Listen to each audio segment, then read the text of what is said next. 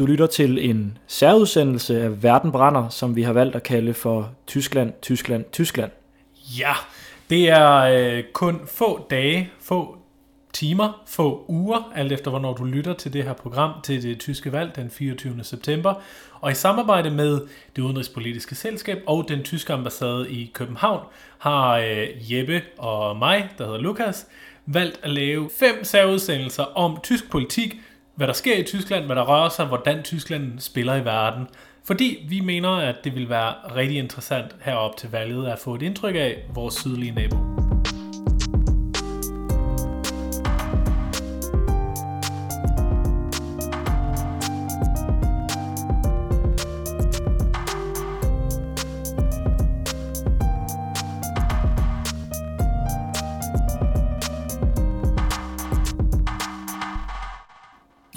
Til nye lyttere kan vi jo starte med at sige, at vi plejer, når vi laver Verden brænder, bare at tale os to, du og jeg, Lukas. Ja, Jeppe, men øh, vi gør det lidt anderledes i de her særudsendelser i forbindelse med det tyske valg. Fordi øh, når det kommer til øh, Tyskland, så er der meget, som selv vi ikke ved. Så vi har allieret os med, øh, skal vi kalde dem eksperter?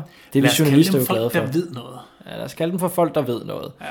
Det her afsnit skal handle om det øh, tyske kulturliv i øh, lidt bredere format, men koncentreret om Berlin. Også igen om Berlin, ja, og vi taler med øh, Berlinskes øh, Berlin-korrespondent, som har boet dernede i efterhånden mange år, Troels Her, som er, øh, det taler vi også om i interviewet, men som er uddannet i litteratur, øh, og øh, har læst rigtig, rigtig meget tysk litteratur, men som har meget, meget stor interesse for, for generelt tysk kultur. Og øh, vi snakker om, hvordan øh, kulturen i Berlin har udviklet sig, men vi taler også lidt bredere om, hvordan øh, tysk litteratur for eksempel har udviklet sig fra øh, Kafka og så frem til de øh, lidt mere moderne forfattere. Vi taler også lidt om øh, tysk litteratur i en politisk kontekst. Jeg troede, Kafka var tjekkisk. Jamen, han skrev på tysk. Og det er klart, fordi tysk er jo det sprog, man kan tænke på. Vi skal jo snakke lidt om kultur. Ja. Og, øh, og, og, og du har jo øh, beskæftiget dig meget med kultur. Du er også øh, uddannet fra, fra KUR, er du ikke? Jo, det er jeg. det kan jeg komme udenom. Det, hvad, hvad, hvad, du, hvad du er uddannet i? Jamen, jeg er kendt med litteraturvidenskab. Okay. Øh, så det er jo, altså det er jo princippet øh, litteratur for hele verden, ikke? Altså det er jo det fag, som i gamle dage hed sam, sammenlignende litteraturvidenskab, ikke? Så pointen er jo, at, øh, at man ser på kultur i forskellige øh, nationale kontekster og, og sammenligner det. Altså det var i hvert fald den gamle måde at gøre det på, ikke? Ja. Øh, men altså pointen med, eller altså det meningen er jo, at man skal læse både, sådan var det i hvert fald, da jeg læste, at man skulle kunne læse både tysk, fransk og engelsk. Gud. Øh, øh, altså helst på originalsprog, ikke? Ja. Altså, det var jo ikke, det var ikke fordi, at øh, det var jo ikke alle, der kunne det. Altså, det er heller ikke mit franske er særlig øh, stærkt, altså, men, øh, men øh, jeg har, jeg lavede så meget tysk Okay. litteratur, øh, endte med. Var det meget klassisk tysk litteratur, eller var det sådan noget moderne? Jamen altså, det var jo... Øh, jamen, hvad, kla- hvad er klassisk? Altså, jamen, altså moderne, altså det var klassisk modernisme, vil jeg sige, var det. Ja, sådan noget med. Hvad? Sådan, sådan noget efterkrigslitteratur, eller... Ja, men også mellemkrigslitteratur Okay. meget, ikke? Altså det var meget, og før, øh, altså mod- modernisme, altså det var jo Kafka og, øh, altså Kafka og, jamen hvem er der nu? Ja. Altså Gottfried Benn og øh, Ernst Jünger har jeg jo skrevet speciale om, ikke? Øh, som jo er selvfølgelig en forfatter, som øh, starter med at skrive lige efter Første Verdenskrig, og så hele vejen op til øh, 90'erne faktisk, ikke? Ja. Øh, så, så det gælder jo også for moderne. Men altså jeg vil sige, der var ikke fordi, at det var særlig meget øh, sådan noget helt frisk, aktuel samtidslitteratur på litteraturvidenskab dengang. Men det kunne man jo godt have, have valgt, men jeg tror bare, at det er noget med studerende også. Ja. Øh, Ja, og hvad man- gerne- hvad man får ind. lære noget om, om, øh, om kanon, ikke? Altså, Præcis. så at sige. Så det bliver jo... Øh, ja, altså det jo, kommer jo an på den enkelte. Man kan jo sammensætte sådan en studie rimelig frit faktisk, som man vil. Ikke? Der er jo nogle obligatoriske fag, men så er der jo en masse valgfri kurser, ikke? som Ja. man ligesom selv kan sammensætte sin uddannelse af. Ikke? Og der endte det med, at jeg læste meget tysk litteratur, også fordi at jeg havde også et år som Erasmus-studerende i Berlin øh, okay. allerede på det tidspunkt. Øh, så det blev meget derhen af. Men det er jo også meget teoritungt fag. Altså, der er en helvedes masse teori. Og, det kan jeg forestille mig. Altså, det, det, er jo, det er jo kulturhistorie også meget hen, langt hen ad vejen. Der var også et fag, der hedder moderne kultur, som jo er ja, kultur i bred, bredest mulig forstand, ikke? fra ja. 1850 til, til nu, ved, tror jeg, er perioden, der bliver... Okay, det er godt nok, øh, det er meget. Ja, så ja, men jeg har en... Øh, altså, jeg, jeg, jeg er rimelig uddannet i, i tysk øh, litteratur, også romantik og, og sådan nogle ting, Fedt. har jeg også læst. Men hvis vi, hvis, hvis vi måske starter der, øhm, så er øhm, det, som, som vi her i Danmark beskæftiger os meget med, eller, eller, eller tænker på, når vi tænker på for eksempel tysk litteratur, så er det jo Øhm, så er det jo for eksempel sådan noget Kafka, øhm, altså sådan noget, der, der, der røg ind på øh, den vestlige kulturkanon på en eller anden måde i, i, øhm, i, løbet, af, i løbet af det sidste århundrede. Men hvis man, øh, hvis man skal, skal prøve at knytte lidt ord på, om, om tysk litteratur er kommet videre siden da, er det noget, du har, øh, du har bidt mærke i? Jamen altså, selvfølgelig er tysk litteratur kommet videre øh, fra, fra Kafka og modernismen, den klassiske modernisme. det er alligevel godt at høre.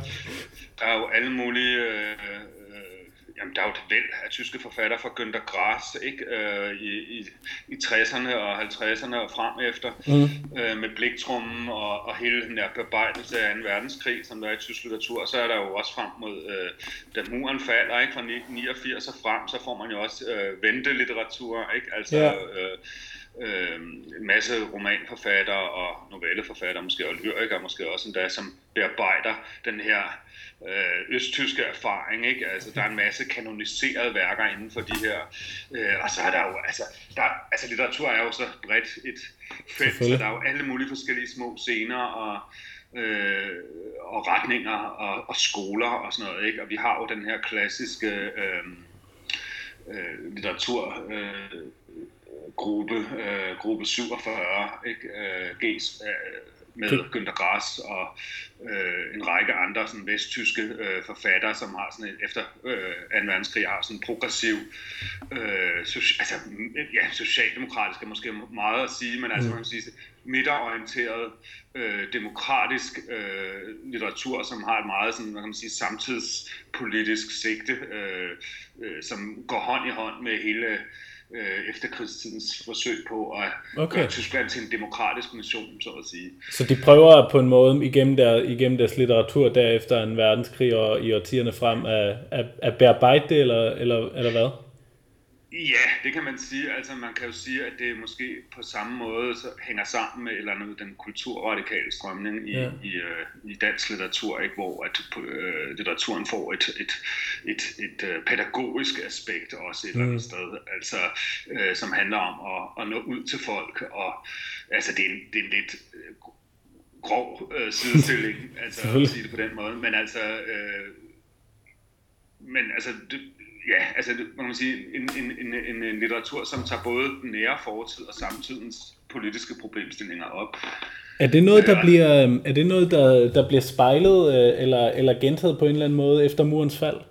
Og Jamen, det kan man måske sige, altså man kan, det man måske kan sige er i hvert fald, at øh, der er en lang øh, tradition i tysk litteratur for at øh, forholde sig aktivt til historien, øh, og det øh, er der jo gode grunde til, eftersom Tyskland i det 20. århundrede jo har gennemgået en meget drabelig og dramatisk historie med to verdenskrige og ja. en deling af landet og en overvindelse af, af delingen, så at sige. Så der er jo nok at tage fat på. Det betyder selvfølgelig ikke, at der ikke er øh, folk, der ikke gør det øh, samme på den måde, og der er jo også modreaktioner på den her øh, samtidspolitiserende øh, litteratur. Ikke? Altså der er jo også øh, sådan en forfatter som øh, Boto Strauss, øh, som øh, ligesom ja. bliver i, øh, som starter som dramatiker og er meget succesfuld som dramatiker op igennem 60'erne og 70'erne øh, som scenekunstner og, og arbejder aktivt med at ops, opsætte stykker osv., og, så videre, og som i, i løbet af, af 90'erne, altså efter murens fald, øh, vender sig mod sådan en mere æstetisk øh, retning, som tager afstand til til den samtidspolitiserende litteratur og øh, prøver at forsøge at genopleve nogle traditioner af det. Altså han er jo en stor postmodernist, øh, yeah. Strauss, men øh, bliver så øh, i, i stigende grad, så at sige, konservativ op igennem i løbet af 90'erne og bliver sådan en højere tænker, som øh, han skriver et berømt essay i Spiegel, øh, tiltagende bukkesang, som handler om, øh, hvordan Tyskland er på vej ned af altså listen rent kulturelt. Ja, øh, præcis. Han blev sådan et symbol for, for det nationale højre her for, for et par år siden. Det kan man sige. Ikke? Altså, så der er jo også den her, øh, og det, altså Strauss øh, griber jo faktisk tilbage til folk som øh, Jünger og ja. Ben og Gottfried Ben og sådan nogle øh, man kan sige, aristokratisk konservative tænkere, som der er i mellemkrigstiden, ikke? Det, er det... Øh, som, som er meget kulturkritisk over for øh, konsekvenserne af demokratiet, for, for sammenhængskraften, hvis man nu skal bruge sådan et trend. Er det noget, øh, altså det, det, virker jo, altså det virker jo på, på mange måder, i hvert fald hvis vi, hvis vi lige bliver ved, ved Bodo Strauss, Øhm, som om han øhm, har formået til en vis grad at gøre sådan det nationale og også en, en, en form for borgerlig national stolthed mere, øhm, hvad skal man sige, salonfæhig i Tyskland. Er det en, er det en rigtig analyse? Jeg ved ikke, om, han, øh, om det lykkedes ham at gøre det. Det tror jeg egentlig ikke, det er. Okay. Altså, han blev stadigvæk betragtet med øh, yderste skepsis rundt omkring. Øh, altså på en eller anden måde lidt en outsider, som bor i en hytte ude i Uckermark og ikke rigtig vil tale med pressen eller nogen. Og han er ikke interesseret i at og ligesom øh, være en, der er til stede i medierne og ligesom tage en politisk kamp. Altså jeg tror nærmest, han er så resigneret, så han allerede har opgivet det, men en gang imellem, så kommer der sådan et surt kulturkritisk essay igen øh, fra ham, altså ind, ind imellem, så at sige. Ja. Men altså han vender sig mod... Øh, mod formerne og mod det, det æstetiske og mod det eksperimenterende øh, og afviser simpelthen øh, samtidig. Men altså han er på den måde er han heller ikke øh, decideret øh, repræsentativ for, hvor tysk litteratur er øh, lige nu. Altså han er, han er repræsentativ for sig selv, så at sige, øh, okay. men han er en interessant skikkelse, ikke desto mindre. Selvfølgelig. Øh, da, jeg, jeg, jeg, tænk, jeg tænkte på, da, øh, da, da jeg gik i gymnasiet i Tyskland, og, i, og i, også i folkeskolen for den sags skyld, der havde vi... Øh, der blev øh, sådan noget tysk efterkrigslitteratur tæsket igennem øh, i, i flere år, og det, og det var nærmest det eneste tyske litteratur, vi fik, øh, vi fik lov til at læse. Ved du, om det stadig er sådan i, i Tyskland, at det primært er efterkrigslitteraturen, der, der dyrkes i sådan en kanoniseret øh, udgave?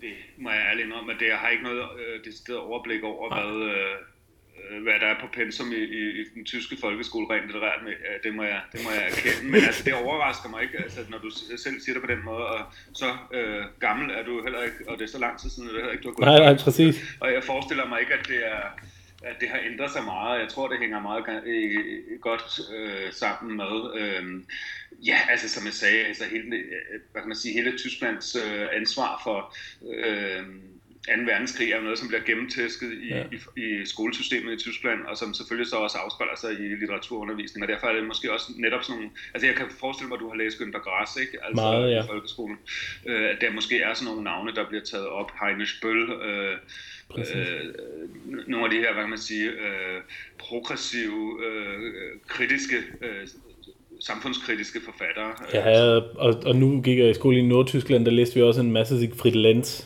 Um, Sigfrid Land selvfølgelig, ja. ja. Øhm, tysk team, ikke? Præcis, øh, præcis. Ja. Som, var, som er fantastisk litteratur, som, som, som absolut kan anbefales selvfølgelig. Uh, men der er bare en, der er en vis stemning over det, som, som er meget gengående, synes jeg der kan måske blive lidt skolelærer uh, kommunal stemning over det, ikke? Altså, men uh, det kan der jo være ved litteraturundervisning, også i dansk. Helt sikkert. I Danmark, så at sige. Uh, sådan, sådan, sådan er det at gå i skole nogle gange, selvom man bliver præsenteret for noget morsomt og, og interessant, så når det kommer ind i sådan en undervisningskontekst, så kan det godt blive lidt Ja, det er ærgerligt. Det er, det er ærgerligt. Jeg, har, jeg har snakket med mange, altså både i Danmark og i Tyskland, der har fået virkelig nogle store litterære værker ødelagt for dem, fordi de blev gennemtæsket i skolen, og så skulle man læse så og så mange sider hver dag, og så er der så mange, der går død i dem. Ja, ja. Men altså, udover det, så er det jo også noget pjat, ikke? Fordi at, øh, jeg tror, det er super sundt, og, og, og, og jeg tror, at at blive eksponeret for den her slags ting alligevel, og der er jo noget, der hænger fast, og der bliver lagt nogle tråde, som øh, ligesom på et senere tidspunkt kan blive gravet op og, og forbundet med ens øh, senere standpunkt i livet. Altså, man laver noget under alle omstændigheder. Lad os lige tage en pause fra interviewet. Her er Lukas med lidt fakta om FDP. FDP er Freie Demokratische Partei, som er det liberale parti i Tyskland. De øh, har været øh, med i Bundestag fra starten også. Det er et af de gamle partier, et af de tre gamle partier i Tyskland. Men FDP er også det parti, der som det første, hvis jeg husker ret, er røget ud af Bundestag igen. De røg ud i 2013 ved valget, og øh, blev dermed ikke genvalgt. De havde ført en katastrofal valgkamp, og var... Øh, på det tidspunkt havde de været i regering og var blevet fuldstændig smadret øh, som, som juniorpartner i den regering under Angela Merkel. Partiet har brugt årene på at genopfinde sig selv. De øh, er gået fra at kalde sig selv de liberale til at kalde sig selv frie demokrater. Øh, de har skiftet partifarve, de har skiftet alt indholdet ud i, i store stræk og er gået tilbage til at være sådan et meget økonomisk øh, liberalt parti, øh, øhm, sådan et startup-agtigt parti, og øh, står nu i meningsmålingerne ganske solide, altid et sted mellem sådan noget 7 og 10 procent af stemmerne. Nogle spår man der mere end det. Øh, deres partiformand og spidskandidat Christian Lindner overtog partiet, der var lå i ruiner efter valget i 2013, og har på ganske effektiv vis formået at, øh, at skære partiet tilbage til en kerne, og derved øh, også genopbygge partiet på mange måder. Her i valgkamp fokuserer de meget på uh, sådan erhvervslivets uh, interesser, men også meget på sådan unge, moderne tyskere, der skal have gode vilkår for at kunne uh, drive virksomhed i Tyskland. Uh, de, Christian Lindner, spidskandidaten, har også tit grebet den her integrationsdebatsbold. Jeg har flere gange talt meget uh, på måder, som man også ville kunne høre det fra Alternativ for Deutschland. Ellers er partiet ganske øh, solidt opstillet i hele Tyskland. De er en del af forskellige delstatsregeringer, og øh, det kører ret godt for dem siden af deres nederlag i, i 2013. Efter valget nu her ser det ud til, at de øh, kan få lov til at komme i regering, hvis de bliver store nok, øh, og hvis Angela Merkel selvfølgelig beslutter sig for det. De kan indgå i en konservativ-liberal regering, eller i en konservativ øh, liberal-grøn regering, hvis, øh, hvis det er sådan, landet ligger på det tidspunkt. Det kan selvfølgelig også være, at de ender i opposition, og internt i partiet er der meget snak om, om man kan bære at være i regering, siden det gik så grueligt galt sidste gang. Men Troels, du, øh, du bor i Berlin, og det har du gjort i efterhånden ret mange år. Øh, og, øh, og når vi kigger sådan fra, her fra København mod, øh, mod Berlin, så synes jeg altid, man snakker om, hvor mange danskere, der valgfarter til, øh, til, til, til netop Berlin, og, øh, og tit bliver det, um, tit bliver det sådan ligesat med, at, at, at, tyskerne, øh, at danskerne tager til Tyskland. Er det noget, du opdager meget i, i, um, i Berlin, mens du er dernede, at der, at der er rigtig mange danskere, der kommer? Jamen det gør jeg. Øh, der er ufattelig mange danskere i Berlin, sådan kan det i hvert fald føles øh, nogle gange. Altså det er jo selvfølgelig i, i skoleferien og de, de store ferier er der selvfølgelig ekstra mange, men, øh, men øh, altså ja, der kommer mange øh, danskere til Berlin, og de kommer af alle mulige forskellige grunde, ikke? men der er jo selvfølgelig øh, kulturudøvende danskere, som søger til Berlin, og det er der jo forskellige grunde til. Altså på den ene side er det jo billigt at, at bo her, forholdsvis billigt mm. stadigvæk. Øh, øh, for, den anden, øh, for det andet er der jo en, en stor, øh, hvad kan man sige, altså Berlin er jo en kulturmetropol, øh, en, en scene, øh, eller en by, hvor der er, øh, sker noget på på kunstscenen og på musikscenen, og øh, folk kommer fra hele verden, og derfor er der jo øh, gang i mange ting. Og, og det er der på den måde også, at det er måske er, er i forhold til andre store byer, altså uden at nævne nogle konkrete, så at sige, så er det måske meget decentraliseret i Berlin. Altså der er mange små lokale scener. Det er nemt at komme ind i et eller andet miljø, hvor der sker noget. Øh, det er okay. ikke nødvendigvis noget, som hvad man siger, øh, der bliver øh, ja, for national opmærksomhed, altså, men der er mange sådan nogle små øh, subkulturer, altså subkulturelle øh, punkter, øh, så derfor er der, tror jeg, der er mange danskere, der kommer herned, altså enten de skrivende, eller billedkunstnere, eller videokunstnere, eller musikere osv., ja. øh, som kommer herned og, og ligesom har en frugtbar øh, udveksling med folk fra andre lande, som interesserer sig for det samme. Er det, øh, er det, altså, er det, er det meget danske kunstnere, der kommer derned øh, for, for at udøve deres kunst og, og for at være en del af den der scene, eller er det også danske kunstforbrugere, der kommer der? Jeg tror helt sikkert også, der er mange kunst, øh, eller mange mennesker, som øh, øh altså, ja, altså der er selvfølgelig mange kunstnere, som kommer herned, ikke, som er udøvende kunstnere, som, ja. øh, som igen, øh, altså det er forholdsvis, altså kunstnere tjener jo som regel ikke særlig meget, altså hvis, ja. hvis man er en ung kunstner og opadstræbende, så kan det være vanskeligt, hvis man søger legater og skriver ansøgninger hele tiden, mm. men altså, og det gør det altså nemmere hernede, fordi at det er billigt, og man kan tage legatpengene med eventuelt fra Danmark, ikke? Der er også forskellige udvekslingsprogrammer, der er jo nogle store, her i Kreuzberg, hvor jeg bor, er der jo et sted, der hedder Betanien, mm. øh, Kunsthaus Betanien, som er er tidligere varet, jeg tror, han er solgt nu, øh, øh, ejet af Karstadt-millionæren, altså det tyske varehus. Uh, spændende. Kæde.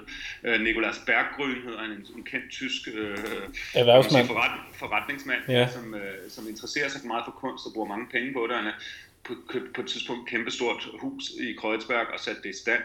Øh, og øh, nu er det sådan en del af et... Øh, ja, sådan et residency, altså et sted, hvor, hvor kunstnere kan komme og være i perioder på, jeg ved ikke, fra tre, tre måneder til et år, eller længere tid måske endda, hvor de så bor øh, gratis der, og bor sammen med, nærmest på et kollegie for kunstnere, så er der en stor udstillings, øh, et stort udstillingsrum, Spindende. også hvor de ligesom kan udstille, ikke? og der, øh, der ved jeg, at der er der, der bor altid, næsten altid en dansk, altså en, dan, en ung øh, dansk kunstner der, ikke? I, i sådan en international setting der. Ja. Øh, der kender jeg flere, der har, der har været, så at sige. Øh, Udover det, så er der selvfølgelig øh, altså, man kan sige, kulturel turisme fra Danmark, altså til, til, Tysk, øh, til, til Berlin, som jo Berlin har en lang række øh, fremragende øh, museer, altså, og det er både fra det helt store sådan blockbuster-agtige til, altså, der er jo Neue Nationalgalerie øh, øh, tæt på Potsdamer Platz, hvor der er en, en altså, lang række af de er også sådan øh, altså de allerstørste navne inden for, lad man sige, moderne kunst, ja. øh, som udstiller der. Øh, men altså er der jo så også en, en, en en helvedes masse gallerier, ikke? Altså det var jo sådan så, at øh, man kan sige, Berlin blev jo, man kan sige, efter murens fald, øh, altså man kan sige, hvor Paris er jo måske øh, det, det, det, det, det 20. århundredes store kunstby, altså var det helt fra ja, mellemkrigstiden, og med Picasso, og hvem, altså i, i, i mellemkrigstiden, og, i, og måske også i 60'erne i virkeligheden. Ja, hvor alle boede og flyttede til Paris. Skulle man, ja, der skulle man til Paris, hvis man ville være noget ved musikken, så at sige. Ikke? Mm.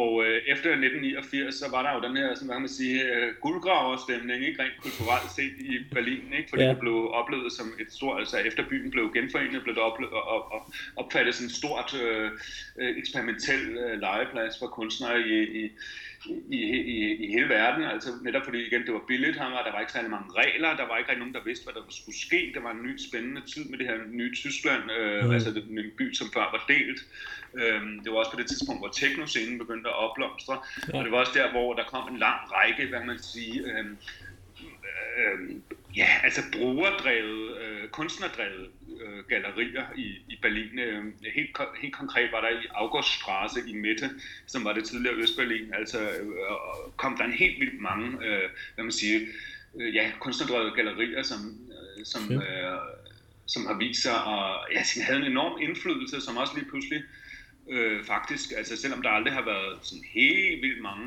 øh, penge i kunst, så gik det faktisk ret, ret godt med, med de her gallerier øh, frem til øh, finanskrisen, hvor der så igen altså Selvfølgelig. er kommet lidt slunken pengekasse. Altså kunst er jo nok noget af det, man øh, bruger penge på til allersidst, hvis man øh, ja, det er sådan penge. lidt frøns på toppen. Øh, så altså Ja. Der er både de store gallerier, ikke? Altså, eller undskyld, de små gallerier, altså, som så måske altså, kendt, nogle af dem er meget kendte i, i dag. Ikke? Altså, øh, nogle af dem er lukket imellem, så nogle af dem er, øh, består stadigvæk. Altså i Auguststrasse har vi galleri, øh, eller kunstværke, som, som på en eller anden måde er blevet sådan en, en institution også. Øh, men og så har vi de store øh, museer, altså øh, øh, altså Neue Nationalgalerie og i øvrigt museumsinsel, ikke? altså midt i Berlin, altså en lang række sådan nogle fine historiske museer, og øh, vi har ude for, lidt ude for Berlin har vi de Brygge, øh, Bryggemuseet, som øh, mm. fokuserer på den tyske ekspressionisme fra, fra 20'erne og frem, altså også en lang række af de her sådan epokgørende, formbrydende kunstnere, som i mellemtids... Øh, ja, som også ligesom stammer ud af en eller anden gruppe, gjorde de ikke? Nyt sted hen. Ja. Øhm, jeg, jeg, jeg tænker på, altså det, er, det er jo netop meget Berlin, man snakker om, når man, når man taler om, og, om moderne kunst og kultur på en måde, både i Tyskland og i Europa, men, men, men jo også i høj grad øh, som du også selv ser internationalt.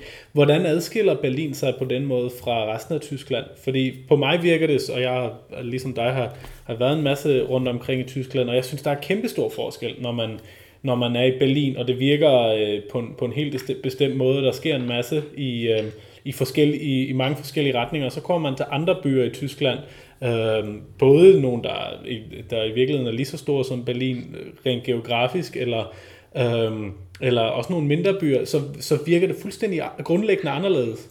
Ja, men altså det, det tror jeg, du har ret i. Altså der er det, er det jo oplagt, selvom de her bysammenligninger ikke rigtig giver mening, ikke? Altså så mm. er det jo oplagt at sammenligne med New York, øh, altså som jo på ingen måde heller repræsenterer resten af USA. Ikke? Altså det, Berlin er blevet øh, efter, igen efter murens fald, fordi før det var det jo på en eller anden, på mange måder en, en, øh, en, en en trøstesløs øh, Grå by, hvor der, ja.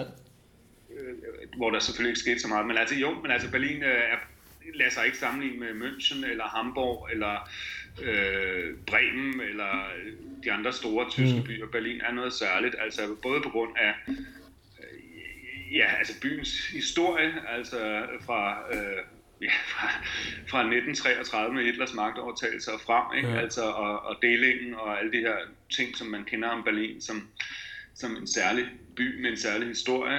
Og så selvfølgelig også på grund af, altså, af, af det geografiske øh, Øst og vest og øh, det hele der Eller hvad hedder det? Altså, det er jo en stor by, Berlin. Den ja. fylder rigtig meget. Altså, den, øh, det tager lang tid at komme fra den ene ende til den anden. Det er rigtigt. Øh, så, så der er meget, øh, altså, der har, der har jo været meget plads før i tiden i den her by øh, mm. til at lave forskellige ting og sager på, ikke? Øh, og det tror jeg også er noget, som måske adskiller den bare sådan rent, altså noget med, altså hvordan byrummet er, øh, kan, kan jo have en enorm indflydelse på, hvordan stemningen er i en by. Ikke? Yeah. Øh, øh, og der, der er Berlin, har Berlin også været særlig. Øh, selvfølgelig er der også andre tyske byer, som har været bombet og så videre, så videre. Men, mm. der, men igen, altså fladen, altså kvadratmetermæssigt, er det, er det en kæmpe, en kæmpe by. Ja, det, det tager lang tid at komme frem og tilbage. Så måske er der er der så meget intern diversitet i Berlin, at, øh, at det vejer op for en masse andet måske? Det er der, tror jeg. Det tror jeg sagtens, man kan sige. Og jeg, noget, der også ligesom kendetegner Berlin, det er jo, at kvartererne, altså de forskellige bydele, har jo deres meget øh, klare identitet. Altså meget klar sådan... Øh, altså, øh, hvad kan man sige, Charlottenburg og det gamle Vestberlin, der bor de, de fine, øh, fisefornemme burgøjser, ikke? Ja, ja. Øh, og, lidt Berlins Frederiksberg.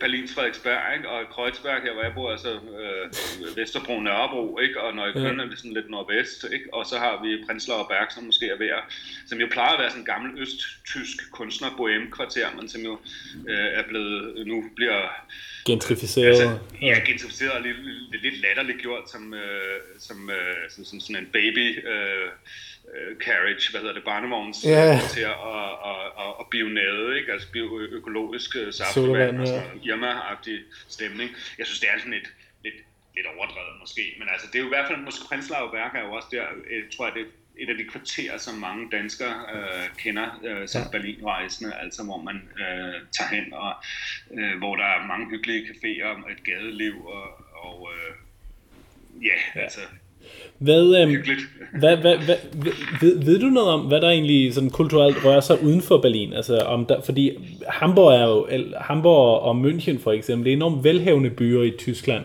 Mm. Øhm, meget, meget rigere i virkeligheden end Berlin er, og, og sådan, hvis, man, hvis, man kigger lidt, hvis man kigger lidt på det udefra, så virker det som om, at Berlin er sådan lidt mere hipt og moderne og ungt, og det er der, det nye sker. Mens i Hamburg og Berlin, der er sådan, det er sådan lidt mere finkultur. Det er lidt mere der, hvor man går i teater og opera. Og, øhm, og er, er, det, er det rigtigt? Ja, det er der måske nok noget om. Altså, vi har jo i Hamburg den her Elbphilharmonie, ikke den store øh, ja, selvfølgelig, som lige er åbnet. Øh, som også var ramt af finansieringsskandale, så at sige, det kostede meget mere. Der er jo tradition for i Tyskland. Øh, og München er jo, uh, som øh, så at sige, uh, hovedstad i, i, den konservative sydtyske delstat Bayern, jo selvfølgelig også uh, præget af, af, af bayerisk uh, konservatisme. konservatisme, selvom det jo er en socialdemokratisk ledet by, uh, München, så slår det sig selvfølgelig igennem der. Det er også et sted, hvor øh, man kan sige, øh, barne lukker tidligere øh, om, om, om natten og så videre. Der er begrænset antal klubber og sådan nogle ting mm. for unge mennesker. Men München plejer jo også at være en stor kunstby. Altså det var jo blandt andet der, hvor øh, Thomas Mann, øh, Nå ja, han boede. øh, boede i mellemkrigstiden og, og, og, og, dyr, og var meget interesseret i malerkunst. Dengang var det ligesom en, en malernes øh, by i Tyskland. Øh,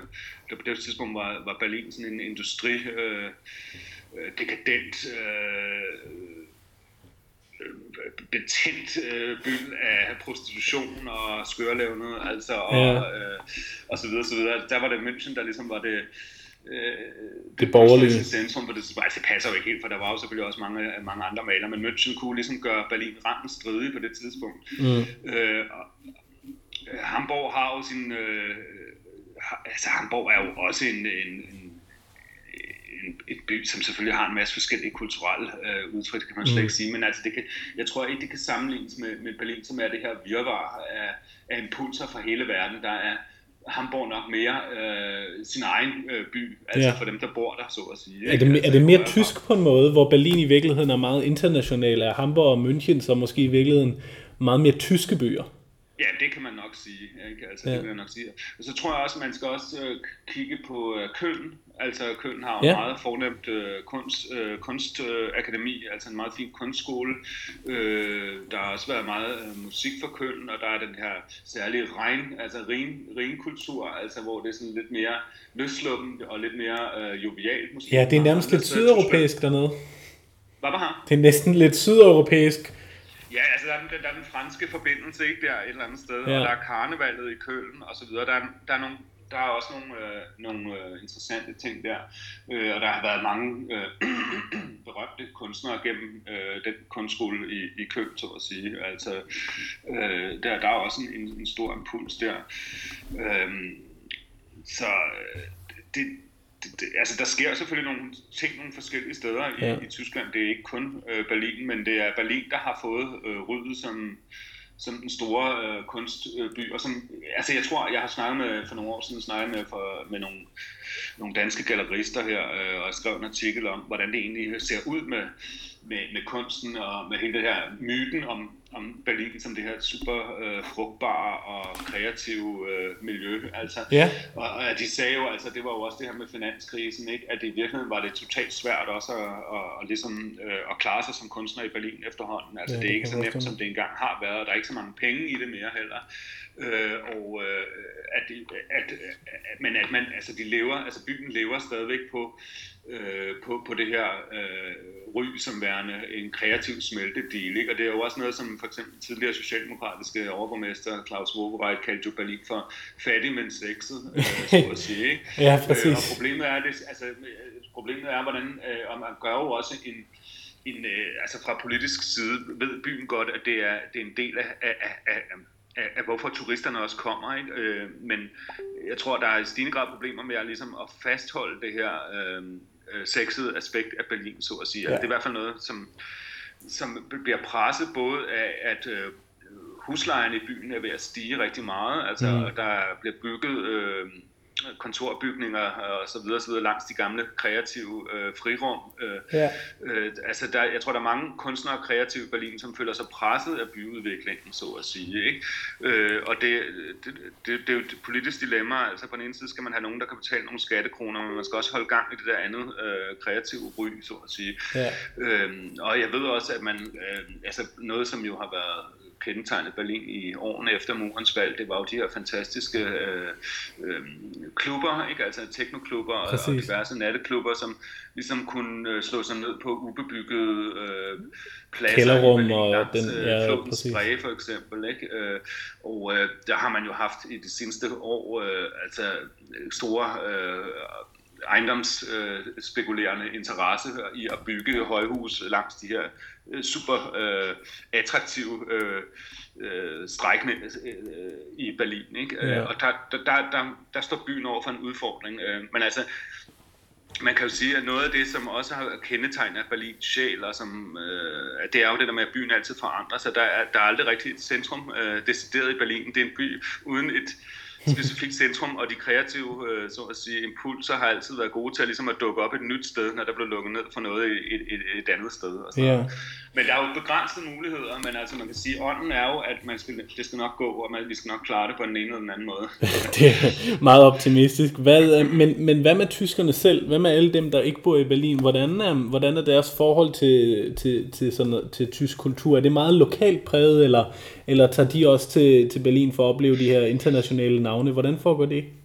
Øhm, det er et godt spørgsmål. Altså, jeg tror, at Berlin bliver set med skepsis på i, i store dele af Tyskland. Jeg husker for, jeg husker for nogle år siden, øh, jeg var i Stuttgart og faldt i snak med nogen på, øh, øh, på, øh, på Rådhuskælderen i Stuttgart, to damer, og da jeg så klarede dem, at jeg boede i Berlin, øh, så altså, rynkede de jo på næsen. Altså, no. altså decideret og tænkte, det skulle de simpelthen ikke nyde noget af. De var måske også mere standardreaktionære end gennemsnitlige tysker, men altså det, det, Berlin har jo, øh, altså, har jo det her øh, ry som en kaotisk, fattig øh, og måske også i visse sammenhænge farlig by, ikke? Altså, Ja. fordi at der, vi har en, øh, altså det er den jo ikke, hvis man ser på kriminalitetsstatistikker og så videre, er det jo faktisk ret fredeligt her, altså. Mm. Øh, men Berlin har jo nogle, øh, altså nogle multikulturelle bydele med store øh, indvandrersegmenter, og det er der nogen, der ser med skepsis på, og der er også nogle af de her kvarterer, som har nogle, øh, ja, altså som faktisk har nogle høje